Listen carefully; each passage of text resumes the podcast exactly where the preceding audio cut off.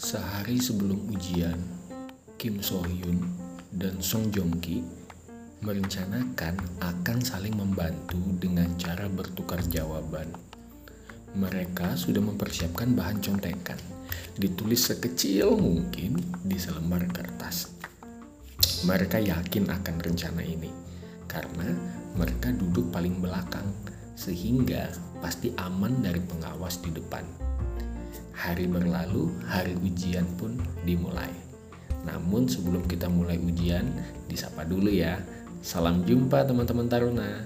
Ketemu lagi di Taruna Podcast di edisi Rabu 21 April 2021. Pembacaannya terambil dari kitab Kisah Para Rasul pasal 9 ayat 1 hingga 6. Topik kita pada hari ini nggak jadi jahat kita lanjut ceritanya ya.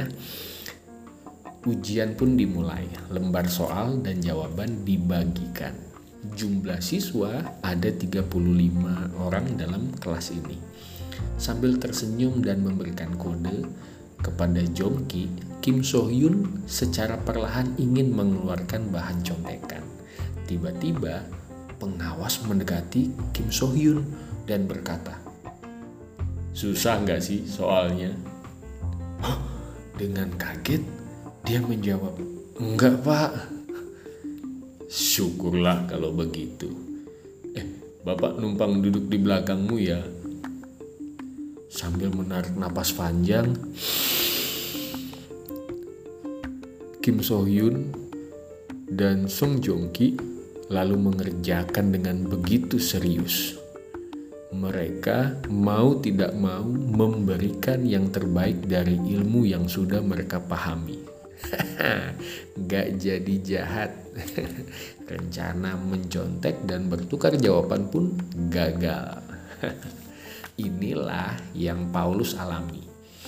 Niat mau jahat, eh gak jadi karena ditegur Tuhan. Allah mampu menggagalkan rencana jahat umatnya. Jadi, daripada rencana nyontek digagalkan Tuhan, atau mau copy resume teman, atau malas kelas belajar online, lebih baik rajin mulai sekarang, mumpung masih ada kesempatan. Terima kasih kalau Tuhan masih mau menegur, itu tandanya Tuhan masih sayang. Oke, selamat merencanakan yang baik, teman-teman. Sampai jumpa.